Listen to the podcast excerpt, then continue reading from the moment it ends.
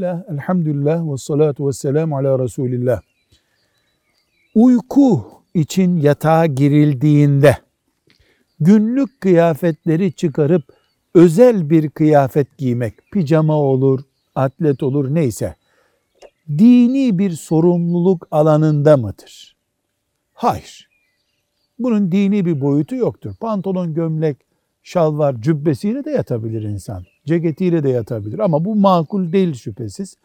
Burada sağlık açısından dikkat edilir, örfe dikkat edilir, kişinin zevkine dikkat edilir.